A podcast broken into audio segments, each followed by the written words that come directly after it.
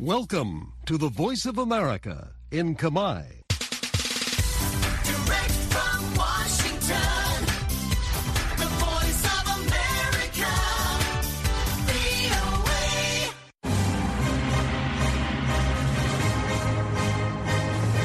សួស្តីប្រិយមិត្តអ្នកស្ដាប់ជាទីមេត្រី នៅក្នុងកម្មវិធីផ្សាយតាមវិទ្យុរបស់ VOA នៅព្រឹកថ្ងៃពហុទី18ខែមករាឆ្នាំ2024នេះខ្ញុំជឹមពូជីននិងសហការីនៃក្រុមផ្សាយជាខេមរៈភាសាសូមស្វាគមន៍ប្រិយមិត្តពីរដ្ឋធានី Washington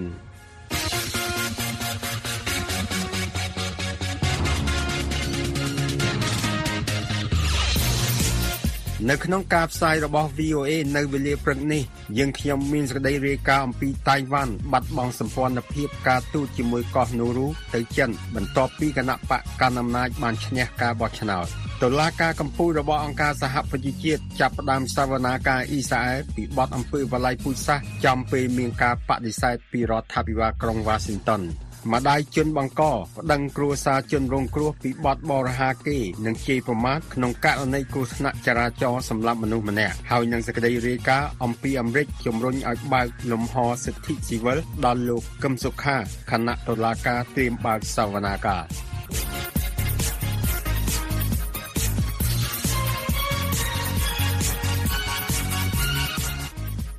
រដ្ឋាភិបាលតៃវ៉ាន់បានប្រកាសពីការកាត់ផ្តាច់ទំនាក់ទំនងការទូតជាមួយកោះនូរូកាលពីថ្ងៃច័ន្ទហើយបានចោទប្រកាន់រដ្ឋាភិបាលក្រុងប៉េកាំងពីការបង្កការប៉ះពាល់មកលើលទ្ធិប្រជាធិបតេយ្យរបស់កោះតៃវ៉ាន់តាមរយៈការដណ្ដើមយកសម្ព័ន្ធមិត្តការទូតរបស់ខ្លួនលោក William Yang ជួនសេចក្តីរាយការណ៍ពីទីក្រុងតៃប៉េកោះតៃវ៉ាន់ហើយខ្ញុំជឹងពូជីនជួនសេចក្តីប្រាយសម្រួលដូចតទៅកោះតៃវ៉ាន់បានប្រកាសពីការកាត់ផ្តាច់ទំនាក់ទំនងការទូតជាមួយកោះនូរូចាប់ពីថ្ងៃច័ន្ទទី15ខែមករានេះ បន្ទាប់ពីប្រទេសជាកោះនៅតំបន់ប៉ាស៊ីហ្វិកមួយនេះបានប្រកាសសេចក្តីសម្រេចផ្លាស់ប្តូរពីការទទួលស្គាល់ផ្នែកការទូតពីកោះតៃវ៉ាន់ទៅកាន់ចិនដីគោកជំនួសវិញ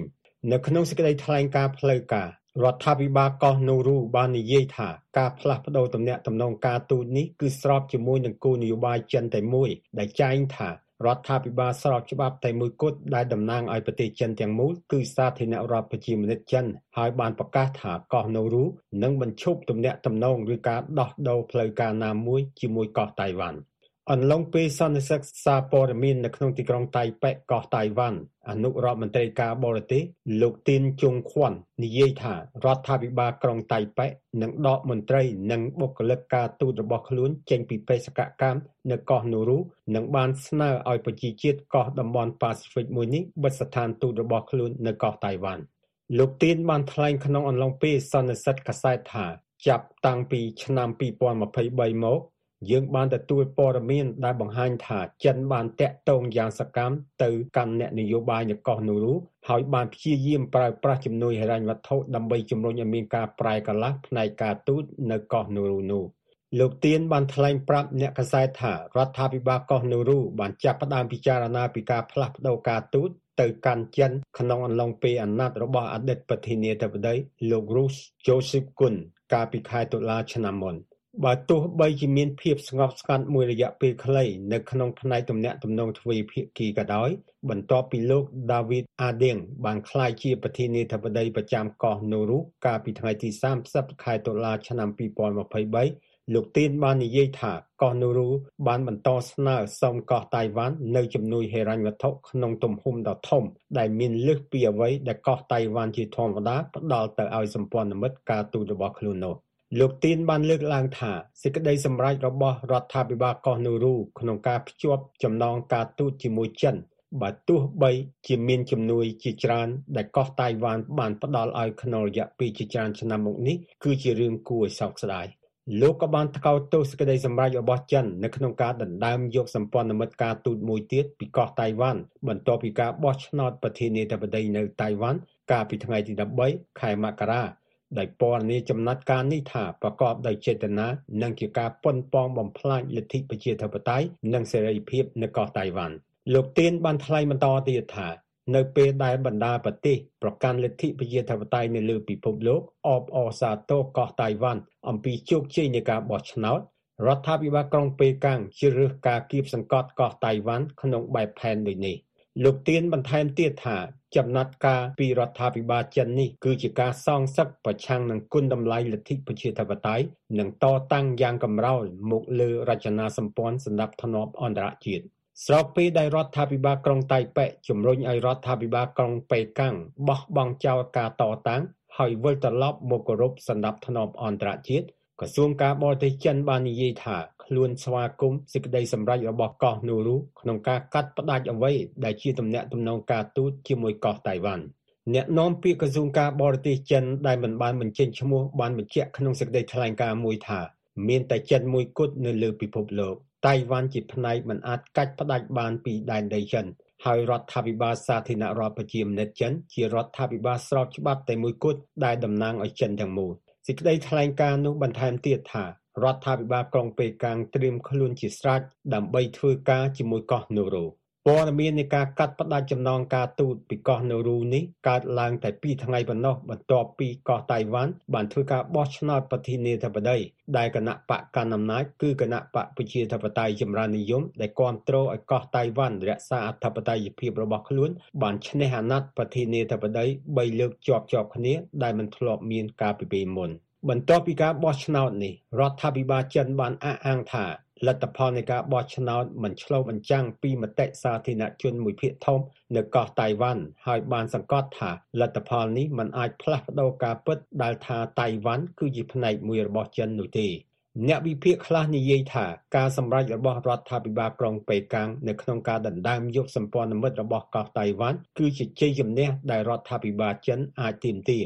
បន្ទាប់ពីខ្លួនបានប្រើប្រាស់ភាសាព្រមានខ្លាំងៗមកលើកោះតៃវ៉ាន់ពីផលវិបាកដែលអាចកើតមានពីការបោះឆ្នោតឲ្យបេក្ខជនពីគណៈបកប្រជាធិបតេយ្យចម្រើននិយមជាប្រធានាធិបតីថ្មីនោះអ្នកស្រី Amanda Shaw ជាអ្នកវិភាគជាន់ខ្ពស់ស្ដីពីចិននៅអង្គការវិបត្តិអន្តរជាតិឬ International Crisis Group បានថ្លែងប្រាប់ VOA តាមទូរស័ព្ទថារដ្ឋាភិបាលចិនចាំបាច់គោរពតាមភាសាមុតមមរបស់ខ្លួនដោយធ្វើការឆ្លើយតបខ្លះ ដូច្នេះនេះប្រហែលជាចំណាត់ការដំបូងនៅក្នុងចំណោមចំណាត់ការបន្តបន្ទាប់ដែលអាចកើតមានចាប់តាំងពីចិនបានប្រើប្រាស់ចំណាត់ការស្រដៀងគ្នានេះដើម្បីសងសឹកប្រឆាំងនឹងកោះតៃវ៉ាន់មកអ្នកវិភាគខ្លះនិយាយថាព័ត៌មានកាលពីថ្ងៃច័ន្ទមិនមែនជារឿងគួរឲ្យភ្ញាក់ផ្អើលនោះទេ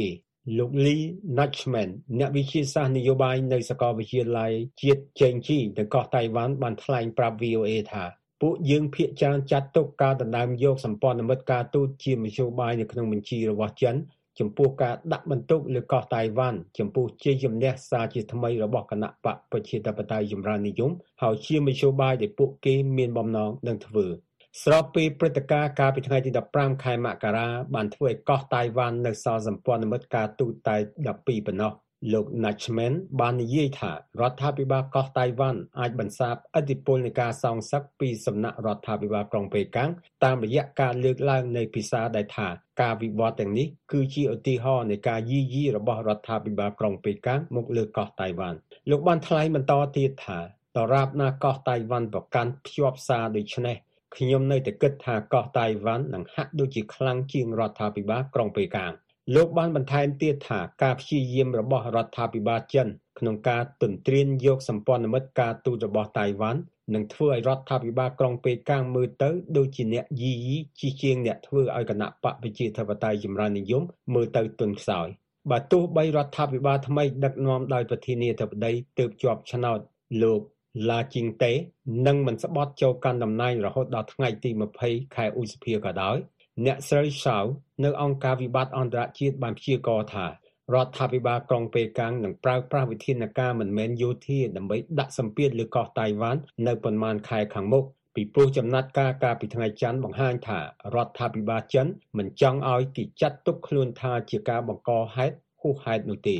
អ្នកស្រីបានថ្លែងប្រាប់ VOA ថាការឆ្លើយតបនេះគឺដើម្បីបង្ហាញពីការមិនពេញចិត្តខ្លាំងរបស់រដ្ឋាភិបាលក្រុងប៉េកាំងចំពោះលទ្ធផលនៃការបោះឆ្នោតហើយខ្ញុំគិតថាមានលទ្ធភាពដែលពួកគេប្រហែលត្រូវជ្រើសប្រើប្រាស់ការឆ្លើយតបមិនមែនតាមរយៈយោធាច្រើនជាងមុនស្របពេលសហរដ្ឋអាមេរិកនិងចិនកំពុងប្រជែងគ្នាដណ្ដើមយកឥទ្ធិពលនៅតំបន់ប៉ាស៊ីហ្វិកក្នុងរយៈពេល2-3ឆ្នាំចុងក្រោយនេះ អ្នកវិភាគខ្លះនិយាយថាការផ្លាស់ប្តូរជំហររបស់កោះនូរូពីកោះតៃវ៉ាន់មកកាន់ចិនដីគោកនឹងមានផលប៉ះពាល់តិចតួចប៉ុណ្ណោះមកលើកិច្ចប្រឹងប្រែងរបស់រដ្ឋាភិបាលក្រុង Washington ដើម្បីទប់ទល់នឹងការពង្រីកអធិបតេយ្យរបស់រដ្ឋាភិបាលក្រុងប៉េកាំងនៅក្នុងតំបន់នោះ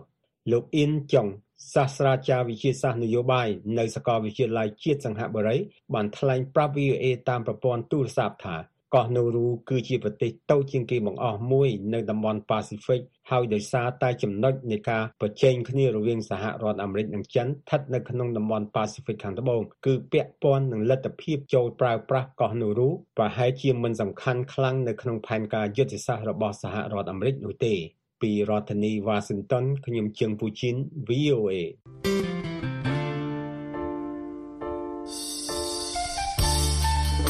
លោកអ្នកនាងកំពុងតែស្ដាប់ការផ្សាយរបស់ VOA សម្លេងសាររដ្ឋអាមេរិកពីរដ្ឋធានី Washington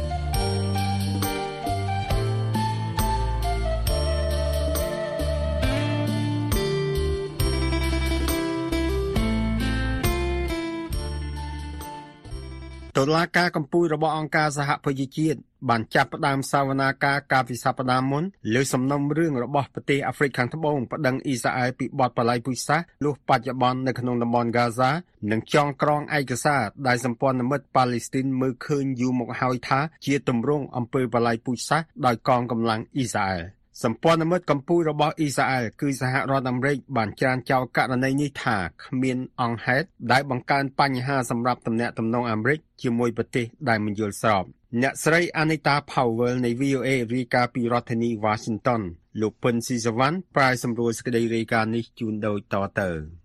សង្គ្រាមអ៊ីស្រាអែលនៅហ្គាហ្សាមានមុខព្រួញថ្មីខាងច្បាប់គណៈតុលាការយុត្តិធម៌អន្តរជាតិកាលពីថ្ងៃទី11ខែមករា បានបើកសវនាការក្តីរបស់ប្រទេសអាហ្វ្រិកខាងត្បូងប្តឹងអ៊ីស្រាអែលពីបទប្រល័យពិសាសគណៈព្យាយាមកម្ចាត់ក្រុមសកម្មប្រយុទ្ធហាម៉ាស់បន្ទាប់ពីការវាយប្រហារដ៏គួរឲ្យភ្ញាក់ផ្អើលកាលពីថ្ងៃទី7ខែតុលាលើជនស៊ីវិលអ៊ីស្រាអែលសវនាការនេះបានជំរុញឲ្យមានបាតកម្មនៅក្រៅតុលាការអង្គការសហប្រជាជាតិនៅទីក្រុងឡាអេអាហ្វ្រិកខាងត្បូងបានផ្ដល់តែលហិកថាអ៊ីស្រាអែលបានរំលោភអនុសញ្ញាប្រល័យពិសាសឆ្នាំ1948ហើយបានប្រៀបធៀបទៅនឹងអំពើនៅជិតប្រទេសខ្លួន លោក Ronald Lamola ជារដ្ឋមន្ត្រីក្រសួងយុទ្ធភ័ពរបស់អាហ្វ្រិកខាងត្បូងថា Our government has approached the International Court of Justice រដ្ឋាភិបាលរបស់យើង បានតាក់ទងតុលាការយុត្តិធម៌អន្តរជាតិ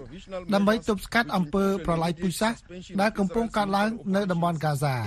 យើងក៏បានស្នើសុំវិធានការបណ្ដោះអាសន្ន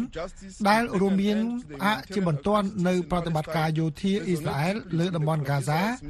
ការបញ្ញាចិត្តដើម្បីយុត្តិធម៌និងបញ្ចប់អំពើឃោឃៅផ្នែកមនុស្សធម៌នៅប៉ាឡេស្ទីនត្រូវការស្មារតីរួមស៊ីជម្រៅរវាងសហគមន៍ពិភពលោកទំហំនៃសកម្មភាពទាំងនេះរំលឹកដល់អំពើប្រល័យពូជសាសន៍នៅរវ៉ាន់ដាកាលពី30ឆ្នាំមុនជាផ្លូវការសម្ព័ន្ធមិត្តកម្ពុជារបស់អ៊ីស្រាអែលមិនយល់ស្របទេ លោក John Kirby ជានាយកតំណែងតំណងយុទ្ធសាស្ត្រសម្រាប់ក្រុមប្រឹក្សាសន្តិសុខជាតិថា We have said repeatedly that we យើងបាននិយាយម្ដងហើយម្ដងទៀតថា យើងជឿថាការចោទប្រកាន់ទាំងនេះករណីនេះគឺគ្មានមូលដ្ឋានសម្រាប់ការចោទប្រកាន់អ៊ីស្រាអែលពីបទប្រល័យពូជសាសន៍ទេនេះមិនមែនជាពាក្យស្រាលស្រាលនោះទេប៉ុន្តែមិនមានការឯកភាពគ្នានៅក្រុង Washington ទេអ្នកនយោបាយនិងអ្នកដឹកនាំខាងសហជីពខ្លះគាំទ្រការអំពាវនាវរបស់អាហ្វ្រិកខាងត្បូង ឲ្យមានបទច្បាញ់និងចាប់ប្រកាន់កងកម្លាំងអ៊ីស្រាអែលថាសងសឹកជ្រុលពេកមន្ត្រីក្រសួងការបរទេសម្នាក់ដែលបានលាលែងពីតំណែងជាការតវ៉ាបានដាក់ពាក្យទៅតុលាការដើម្បីគាំទ្រប្រទេសអាហ្វ្រិកខាងត្បូងលោក Josh Paul អតីតនាយកនៃការឡែកកិច្ចការនយោបាយនិងយោធានៃក្រសួងការបរទេសសហរដ្ឋអាមេរិកប្រាប់ VA តាម Sky ថា I'm not arguing that there should be a special standard for Israel. ខ្ញុំមិនប្រឆាំងរឿងស្តង់ដារពិសេសសម្រាប់អ៊ីស្រាអែលស្តង់ដារខ្ពស់ឬទាបទេខ្ញុំនិយាយតែស្តង់ដារសកល ហើយយើងត្រូវឲ្យដៃគូរបស់យើងទាំងអស់គោរពតាមហើយយើងត្រូវគោរពដែរហើយក្នុងករណីអ៊ីស្រាអែលមានច្បាប់ដែលត្រូវបានគេធីបចោលមើលរំលងបកស្រាយខុសគ្នាឬអនុវត្តខុសគ្នា ហើយវាហាក់ដូចជាមិនស្របតាមវិធីសាស្ត្ររបស់សហរដ្ឋអាមេរិកសម្រាប់នីតិរដ្ឋអន្តរជាតិទេអាហ្វ្រិកខាងត្បូងបានគាំទ្របបផែនប៉ាឡេស្ទីនជាយូរមកហើយលោក Nelson Mandela អតីតប្រធាននាយដ្ឋមន្ត្រីថ្លែងយ៉ាងល្បីថា សេរីភាពរបស់យើងមិនពេញលេញទេបើគ្មានសេរីភាពរបស់ប៉ាឡេស្ទីនអ្នកវិភាគនយោបាយថាបញ្ហានេះមិនមែនប្រព្រឹត្តដោយអ៊ីស្រាអែលតែឯងទេដោយមានប្រទេសនិងអង្គភាពច្រើនឡើងច្រើនឡើងគាំទ្រគំនិតរបស់ទីក្រុង Pretoria ប្រឆាំងក្រុង Washington ដូច្នេះអាមេរិកអាចធ្លាក់ចុះផ្នែកការទូតជាពិសេសបើតុលាការគ្រប់គ្រងដោយអង្គការសហប្រជាជាតិសម្រាប់ចាត់ប្រកាន់អ៊ីស្រាអែលលោក Michael Walls អ្នកស្រាវជ្រាវជាន់ខ្ពស់នៃកម្មវិធីអាហ្វ្រិកនៅវិទ្យាសាស្ត្រស្រាវជ្រាវគោលនយោបាយបរទេសប្រាប់ VA តាម Zoom ថា It also brings into question the វាក៏នាំឲ្យមានចម្ងល់អំពីប្រទេសដែលកំពុងបន្តគ្រប់គ្រងអ៊ីស្រាអែលនិងផ្ដល់អាវុធនិងផ្ដល់ការស៊ើបការសម្ងាត់ឲ្យអ៊ីស្រាអែលព្រមទាំងធ្វើកិច្ចការផ្សេងៗទៀតដូច្នេះវាប៉ះពាល់យ៉ាងខ្លាំងដល់ទំនាក់ទំនងអាមេរិកជាមួយប្រទេសផ្សេងៗជុំវិញពិភពលោកមិនត្រឹមតែរយៈពេលខ្លីទេគឺយូរផងដែរហើយវាក៏ធ្វើឲ្យខូចការដឹកនាំរបស់សហរដ្ឋអាមេរិកផ្នែកសិទ្ធិមនុស្សក្នុងពិភពលោកផងដែរបើមានហេតុផលណាមួយត្រូវបានរកឃើញ សនាការស្ដាប់សក្តិកម្មត្រូវគេរំពឹងថានឹងមកចប់ក្នុងពេលឆាប់ឆាប់ប៉ុន្តែតុលាការអាចចំណាយពេលច្រើនឆ្នាំដើម្បីសម្រេចសាលក្រមទន្ទឹមនឹងនោះសង្គ្រាមនៅតែបន្តចំនួននោះស្ដាប់ការឡើងហើយគ្រួសារនានារងគ្រោះពីរដ្ឋធានី Washington ខ្ញុំពុនស៊ីសវណ្ណ VOA អស់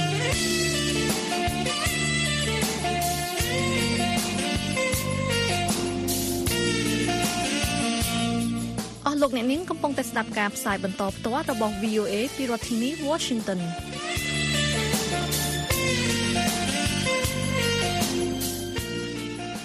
ម្ដាយរបស់បរិសម្នាក់ដែលត្រូវបានឃុំខ្លួនបណ្ដោះអាសន្នក្នុងករណីបើករថយន្តបុកគេស្លាប់នៅរាជធានីភ្នំពេញកាលពីខែធ្នូឆ្នាំមុនបានប្តឹងក្រុមគូសាជនរងគ្រោះពីបទបរិហាគេ និងជាប្រមាថជាសាធារណៈ ក្រុមគ្រួសារជនរងគ្រោះដែលមានសមាជិកស្លាប់បង្ហាញការងឿងឆ្ងល់ និងអះអាងមិនបានជាប្រមាថអ្វីនោះទេ កញ្ញាចិត្តស្រីយ៉ារីកាលំអិតឲ្យ VOA ពីរាជធានីភ្នំពេញដូចតទៅក្រុមគ្រួសាររបស់ជនបង្កហេតុក្នុងគ្រោះថ្នាក់ចរាចរណ៍សម្រាប់មនុស្សម្នាក់បានប្តឹងក្រុមគ្រួសារជនរងគ្រោះដែលស្លាប់ពីបទបរិហាគេនិងជេរប្រមាថជាសាធារណៈការប្តឹងផ្តល់នេះបន្ទាប់ពីតុលាការរាជធានីភ្នំពេញបានសម្រេចឃុំខ្លួនជនបង្កម្នាក់ឈ្មោះព្រំវិចិត្រសុសក្តាជាអ្នកបើកបររថយន្តជីបដែលត្រូវបានរីកាថាបើកបុកអ្នកធ្វើដំណើរតាមម៉ូតូម្នាក់ស្លាប់កាលពីខែធ្នូឆ្នាំមុន បើតាមដីការបស់តុលាការម្ដាយរបស់ជនបង្កបានប្តឹងក្រុមគ្រួសារជនរងគ្រោះចំនួន4នាក់ពីបទបរិហាគេជាសាធារណៈបរិហាគេតាមសារព័ត៌មាននិងជាប្រមាថជាសាធារណៈពួកគេទាំង4នាក់ដែលជាសាច់ញាតិរបស់ជនរងគ្រោះដែលស្លាប់ត្រូវបានតុលាការកោះហៅឲ្យចូលបំភ្លឺក្នុងនាមជាជនសង្ស័យនៅថ្ងៃទី24ខែមករាខាងមុខនេះ បើតាមដីកាកោះហៅ4ច្បាប់ផ្សេងគ្នារបស់សាលាដំបងរាជធានីភ្នំពេញចុះថ្ងៃទី9ខែមករាអ្នកស្រីសុកលីណាម្ដាយរបស់ជនបង្កបានប្តឹងមនុស្ស4នាក់រួមមានអ្នកស្រីក្រួយឈិនលៀងត្រូវជាភរិយារបស់អ្នកស្លាប់កញ្ញាសៀងសេរីរដ្ឋានិងកញ្ញាសៀងមួយអេងត្រូវជាប្អូនស្រីបង្កើតរបស់អ្នកស្លាប់និងលោកសំរិទ្ធសារុនត្រូវជាសាច់ញាតិរបស់អ្នកស្លាប់ពីបទបរិហាគេជាសាធារណៈបទបរិហាគេតាមសារព័ត៌មាននិងបទជេរប្រមាថជាសាធារណៈបើ តាមដីកាកោះទាំងនោះអ្នកស្រីសុកលីណាបានប្តឹងមនុស្សទាំង4នាក់នេះកាលពីថ្ងៃទី4ខែមករាឆ្នាំ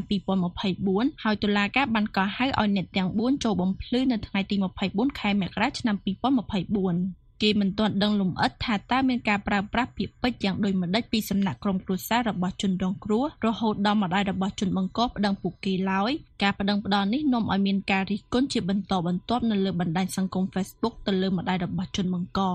កញ្ញាសៀងសេរីរដ្ឋាអាយុ24ឆ្នាំដែលត្រូវជាប្អូនស្រីបង្កើតរបស់អ្នកស្លាប់ក្នុងគ្រោះថ្នាក់ចរាចរណ៍នោះបង្ហាញការងឿងឆ្ងល់ចំពោះពាក្យបណ្ដឹងលើកញ្ញានិងបានអះអាងថាកញ្ញាមិនបានជាប្រមាថអ្វីឡើយយើងអត់បានទៅតុលាការទេបងយើងព្យាយាមស្ងប់ស្ងាត់ដើម្បីឲ្យខាងតុលាការគេគាត់ធ្វើការអញ្ចឹងហើយអឺមានតែខាងក្រុមគូសាស្ត្រទៅអឺស្នឹកគ្នាទុកចិត្តទុកកំហឹងទុកអីទាំងអស់ដើម្បីឲ្យខាងតុលាការធ្វើការតែអឺ ចុងក្រោយនឹងទៅបានទទួលពាក្យបណ្ដឹងដោយអត់មានបងទាំងមូលហេតុថាយើងធ្វើអីគេទៅគេប្តឹងយើងឲ្យប្តឹងទៅមែនតាម្នាក់ទៀតគឺប្តឹងដល់ប្រពន្ធបងប្រុសដែលគាត់ជាកូនខ្ចីកូនទៅបានតែ6ខែទៅបានទទួលពាក្យបណ្ដឹងហ្នឹងកញ្ញារៀបរាប់បន្ថែមថាគ្រួសារមិនទាន់បាត់សោកសៅនិងមិនទាន់ធ្វើបុណ្យ100ថ្ងៃចាប់សពគ្រប់ផងបែរជាត្រូវរងពាក្យបណ្ដឹងនេះថែមទៀតចាបងគាត់នៅតែសោកសៅយើងរាល់ថ្ងៃពួកអីកូន 6ខែបងហើយអឺគ្នាអត់មានដឹងអីទេត្រូវបាត់បង់ពុកអញ្ចឹងណាបងហើយបើនៅជាមួយតែមួយកូនអញ្ចឹងទៀតតើអាភាពសោកសៅហ្នឹងមិនមានបាត់ទេបង ករណីគ្រោះថ្នាក់ចរាចរណ៍នៅរាជធានីភ្នំពេញបានកើតឡើងនាវេលាម៉ោង10:20នាទីយប់ថ្ងៃទី14ខែធ្នូឆ្នាំ2023ដោយបុគ្គលឈ្មោះព្រំវិចិត្រសុសក្តាត្រូវបានចោទពីបទបើកបររថយន្តម៉ាកជីបពណ៌ខ្មៅបុកបុរសជិះម៉ូតូម្នាក់ឈ្មោះសៀងកំហុងស្លាប់នៅលើផ្លូវ566កែង317សង្កាត់បឹងកក់2ខណ្ឌទូកោក ក្រោយពេលកើតមានគ្រោះថ្នាក់ចរាចរណ៍លោកព្រំវិចិត្រសុសក្តាបានកិច្ចខ្លួនពេលមួយរយៈនិងបានចូលសារភាពនៅតុលាការក្រោយសមត្ថកិច្ចតាមចាប់ខ្លួននិងក្រោយមានការណែនាំពីរដ្ឋមន្ត្រីក្រសួងយុតិធធម៌លោកកើតរិទ្ធដែលស្នើឲ្យតុលាការពិនិត្យស្រាវជ្រាវនិងដោះស្រាយឲ្យបានត្រឹមត្រូវនិងមើងម៉ាត់តាមផ្លូវច្បាប់ក្រោយមកលោកព្រំវិចិត្រសុសក្តាបានចូលសារភាពនៅថ្ងៃទី24ខែធ្នូឆ្នាំ2023ហើយក្រោយការសាកសួរតុលាការក៏បានសម្រេចឃុំខ្លួនរូបលោកនៅពន្ធនាគាររាជធានីភ្នំពេញក្រោមបទចោទធ្វេសប្រហែសក្នុងការបើកបរនិងបទរត់គេចខ្លួនដោយឡែកនៅពេលមានគ្រោះថ្នាក់ចរាចរណ៍នោះកើតឡើងគណនី Facebook ដែលមានឈ្មោះថាជូពីនឹងត្រូវបានបញ្ជាក់ដោយក្រុមគ្រួសារថាជា Facebook របស់ភរិយារបស់អ្នកដែលស្លាប់ បានបង្ហោះសារមួយនឹងត្រូវបានលោកចិនម៉ាលីនអ្នកនាំពាក្យក្រសួងយុតិធធយកមកផ្សព្វផ្សាយបន្តថាលោកព្រំវិចិត្រសុភាលោកចូលបនសព1000ដុល្លារហើយលោកសូមឲ្យដកពាក្យបណ្ដឹងបើមិនដកនឹងខូចខាតអនាគតទាំងសងខាងលោកចង់គំរាម ហើយលោកមកប្រាប់ពួកខ្ញុំដែលជាក្រុមគ្រួសារសពឲ្យកាត់ចិត្តទៅលោកព្រំវិចិត្រសុភាខ្ញុំឲ្យលោកបែបនឹងវិញលោកព្រំអត់បើសិនជារូបសពជារូបកូនលោកតើលោកមានអារម្មណ៍បែបណាខ្ញុំមិនឲ្យប្តីល្អរបស់ខ្ញុំស្លាប់ទៅបែបនេះទេយុត្តិធម៌ត្រូវតែមានសម្រាប់ប្តីខ្ញុំ កញ្ញាសៀងសេរីរដ្ឋាដែលត្រូវជាប្អូនស្រីបង្កើតរបស់លោកសៀងកំហុងជាអ្នកបើកបរម៉ូតូដែលស្លាប់ក្នុងគ្រោះថ្នាក់ចរាចរណ៍បន្ថែមថារហូតមកដល់ពេលនេះក្រុមគ្រួសារមិនទាន់ដឹងព័ត៌មានអ្វីបន្ថែមជុំវិញករណីដែលតុលាការចោទប្រកាន់ជនបង្កនៅឡើយទេ កាលពីកន្លងទៅក្រុមគ្រួសារជនរងគ្រោះបានទាមទារសំណងជំងឺចិត្ត20ម៉ឺនដុល្លារអាមេរិកពីជនបង្កនិងស្នើឲ្យផ្តល់ទាទោសតាមច្បាប់លើអ្នកបើកបររថយន្តនោះដូច្នេះប្រសិនបើតុលាការរកឃើញកំហុសបុគ្គលនោះអាចជាប់ពន្ធនាគារពី1ឆ្នាំទៅ3ឆ្នាំតាមមាត្រា85នៃក្រមព្រហ្មទណ្ឌពីបទបើកបរដោយធ្វេសប្រហែសខ្ជិះខ្ជានិងមិនប្រុងប្រយ័ត្ននិងតាមមាត្រា543ពីបទរត់គេចខ្លួនដែលត្រូវផ្តន្ទាទោសដាក់ពន្ធនាគារពី6ខែទៅ1ឆ្នាំ។ អ្នកនាំពាក្យសាលាដំបងរាជធានីភ្នំពេញលោកអ៊ីរ៉ានសូមមិនអត្ថាធិប្បាយលើករណីនេះដោយស្នើឲ្យតាក់ទងទៅអ្នកនាំពាក្យរបស់តុលាការមួយទៀត VOA មិនទាន់អាចសុំការបញ្ជាក់ពីអ្នកស្រីសុកលីណាជាម្ដាយរបស់ជនបង្កនិងលោកព្រំវិចិត្រសុភាជាឪពុករបស់ជនបង្កនិងជាមេធាវីម្នាក់បាននៅឡើយទេ បើតាមការផ្សាយផ្ទាល់នៅលើបណ្ដាញ Facebook កាលពីថ្ងៃអង្គារអ្នកស្រីសុកលីណាបានអះអាងថាមូលហេតុដែលអ្នកស្រីដាក់ពាក្យបណ្ដឹងទៅតុលាការដោយសារតែមិនចង់ឲ្យមានការជេរប្រមាថនិងការលៀបពណ៌មកកាន់ក្រុមគ្រួសាររបស់អ្នកស្រីបន្តទៀតអ្នកស្រីបញ្ជាក់ថាករណីគ្រោះថ្នាក់ចរាចរណ៍នោះគឺជាឧបទ្ទហេតុហើយកូនប្រុសរបស់អ្នកស្រីមិនមែនជាឃាតករឡើយអ្នកស្រីបន្ថែមថាប្រសិនបើក្រុមគ្រួសារសពមិនពេញចិត្តចំពោះពាក្យបណ្ដឹងនេះអ្នកស្រីនឹងដកពាក្យបណ្ដឹងនោះវិញអញ្ចឹងខ្ញុំធ្វើ ពាក្យបណ្ដឹងហ្នឹងគឺខ្ញុំចង់បញ្ជាក់ថាឈប់ទៅខ្ញុំមានពាក្យបណ្ដឹងអញ្ចឹងខ្ញុំចង់ឲ្យគាត់កុំជេរខ្ញុំទៀតកុំជេរក្រុមគ្រួសារខ្ញុំទៀតទេខ្ញុំអត់មានន័យទៀមទាស្អីទេប៉ុន្តែបើសិនជាពាក្យបណ្ដឹងហ្នឹងធ្វើឲ្យគាត់ខឹងកាន់តែខ្លាំងខ្ញុំអាចដកបានអត់ជាបញ្ហាប៉ុន្តែសូមកុំដៀលថ្មេះក្រុមគ្រួសារខ្ញុំទៀតប្រមាថ ក្រុមគ្រួសារទៀតខ្ញុំសូមទៅប៉ុណ្ណឹងទុកឲ្យច្បាប់គេធ្វើការអ្នកស្រីសុកលីណាបន្ថែមថាក្រុមគ្រួសាររបស់អ្នកស្រីបានទៅចូលរួមបុណ្យសពហើយក៏មានគោលបំណងសម្របសម្រួលជាមួយក្រុមគ្រួសារជនរងគ្រោះឲ្យដកពាក្យបណ្ដឹងដោយអ្នកស្រីបញ្ជាក់ថាកុំឲ្យខូចអនាគតក្មេងដែលជាកូនប្រុសរបស់អ្នកស្រីក្នុងពេលនោះក្រុមគ្រួសាររបស់អ្នកស្រីក៏បានចូលរួមថវិកាចំនួន1000ដុល្លារសម្រាប់បុណ្យសពរីកាពីរាជធានីភ្នំពេញនាងខ្ញុំចិត្តស្រីយ៉ា VOA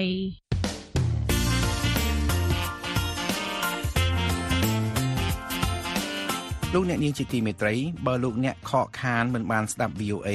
តាមវិទ្យុលោកអ្នកនៅអាចស្ដាប់កម្មវិធីរបស់យើង តាមប្រព័ន្ធអ៊ីនធឺណិតខ្មែរ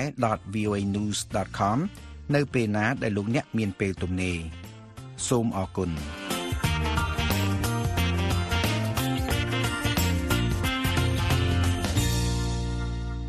ក្រោយតុលាការសម្រេចយកថ្ងៃបើកសវនាការលើសំណុំរឿងរបស់លោកកឹមសុខាស្ថានទូតអាមេរិកប្រចាំនៅកម្ពុជាបានជំរុញឲ្យមានការដោះលែងនិងផ្ដល់សិទ្ធិស៊ីវិលដល់អតីតមេដឹកនាំគណៈបកប្រឆាំងរូបនេះដើម្បីលទ្ធិប្រជាធិបតេយ្យនៅកម្ពុជា លោកហាន់ណូយរាយការណ៍ VOA ពីរាជធានីភ្នំពេញដូចតទៅគណៈសវនាការដឹកមេដឹកនាំគណៈបពប្រឆាំងខិតជិតមកដល់សន្តិទូតអាមេរិកប្រចាំនៅកម្ពុជាបានជំរុញឲ្យស្ដារសិទ្ធិស៊ីវិលរបស់លោកកឹមសុខានិងអ្នកនយោបាយដទៃទៀតឡើងវិញដើម្បីលើកកម្ពស់លទ្ធិប្រជាធិបតេយ្យនៅកម្ពុជាការជំរុញនេះធ្វើឡើងខណៈសាលាធរនឹងបើកសវនាការរឿងក្តីរបស់លោកកឹមសុខាលើបណ្ដឹងមិនសុខចិត្តនឹងការសម្រេចរបស់សាលាដំបងរាជធានីភ្នំពេញដែលបានកាត់ទោសឲ្យលោកជាប់ឃុំរយៈពេល27ឆ្នាំពីបទក្បត់ជាតិនៅថ្ងៃទី30ខែមករាឆ្នាំ2024ខាងមុខនេះសារអាមេរិករងការចោទប្រកាន់ថានៅពីក្រោយមេដឹកនាំគណៈបកជំទាស់លោកកឹមសុខានៅក្នុងសំណុំរឿងក្បត់ជាតិនេះអ្នកនាំពាក្យស្ថានទូតអាមេរិក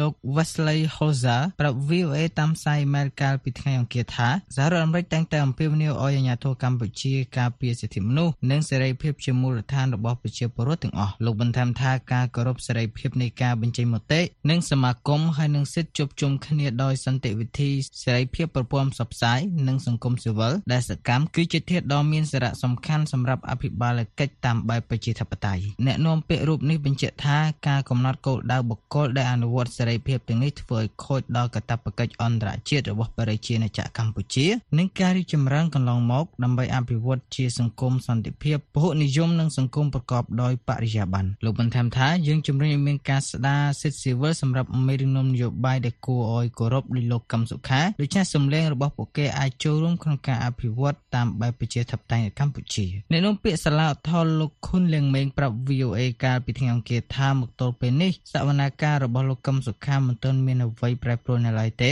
និងថាសវនាការនេះនឹងត្រូវបានចំណាយពេលយូរផងដែរបើតាមការបញ្ជាក់របស់ប្រធានក្រុងសាប្រហែលជាដំណើរការច្រើនច្រើនរយៈពេលច្រើនណាព្រោះឯកសារនិង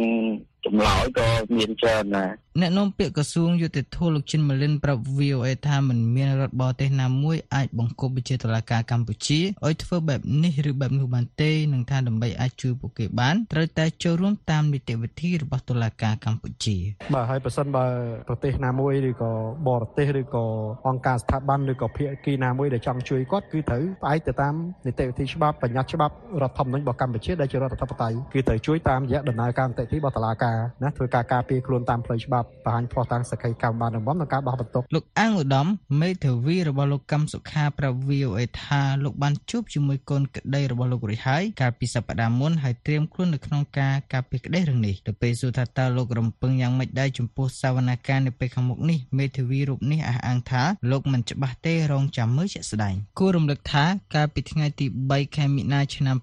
2023សាលាដំបងរាជធានីភ្នំពេញបានផ្ដន្ទាទោសលោកកឹមសុខាឲ្យជាប់ឃុំរយៈពេល27ឆ្នាំពីបទសន្តិភាពជាមួយបរទេសឬខົບខិតត្រូវរើគ្នាជាមួយបរទេសដែលត្រូវបានចោទប្រកាន់តាំងពីឆ្នាំ2017តុលាការបានដាក់បំរាមមិនឲ្យលោកកឹមសុខាធ្វើនយោបាយមិនឲ្យចេញពីផ្ទះនិងមិនអនុញ្ញាតឲ្យជួបជនបរទេសលើកឡើងតែមានការអនុញ្ញាតពីតុលាការកាលពីខែសភាឆ្នាំ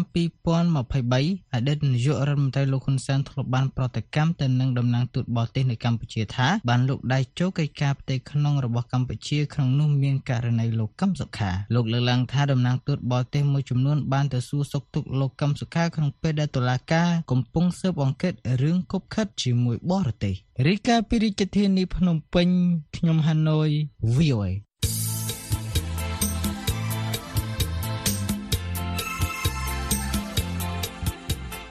អស់លោកអ្នកស្ដាប់ជាទីមេត្រីនៅក្នុងការផ្សាយរបស់ VOA នៅរាត្រីនេះសូមអស់លោកអ្នករងចាំស្ដាប់សេចក្តីរាយការណ៍ព័ត៌មានថ្មីៗពីប្រទេសកម្ពុជា ពីតំបន់អាស៊ីនិងពីជុំវិញពិភពលោកហើយនឹងកម្មវិធី Hello VOA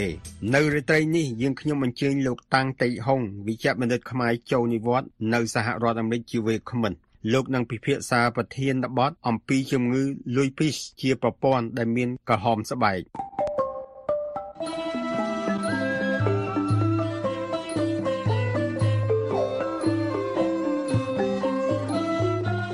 កម្មវិធីផ្សាយរបស់ VOA នៅព្រឹកនេះចប់តែត្រឹមនេះសូមអរលោកអ្នករងចាំស្ដាប់សេចក្តីរាយការណ៍ព័ត៌មានជាតិនិងអន្តរជាតិរបស់ VOA នៅក្នុងការផ្សាយបន្តផ្ទាល់របស់យើងខ្ញុំនៅរាត្រីនេះទៀតពីម៉ោង8:30នាទីដល់ម៉ោង9:30នាទីតាមរលកវិទ្យុ 25m ត្រូវនឹងកម្រិត 11695និង1575 kHz ឬតាមប្រព័ន្ធអ៊ីនធឺណិតដែលមានអាសយដ្ឋានខ្មែរ .voenews.com សូមអរលោកអ្នកបានប្រកបដោយសេចក្តីសុខនិងសុភមង្គលគ្រប់ប្រការអារុនសុស្ដី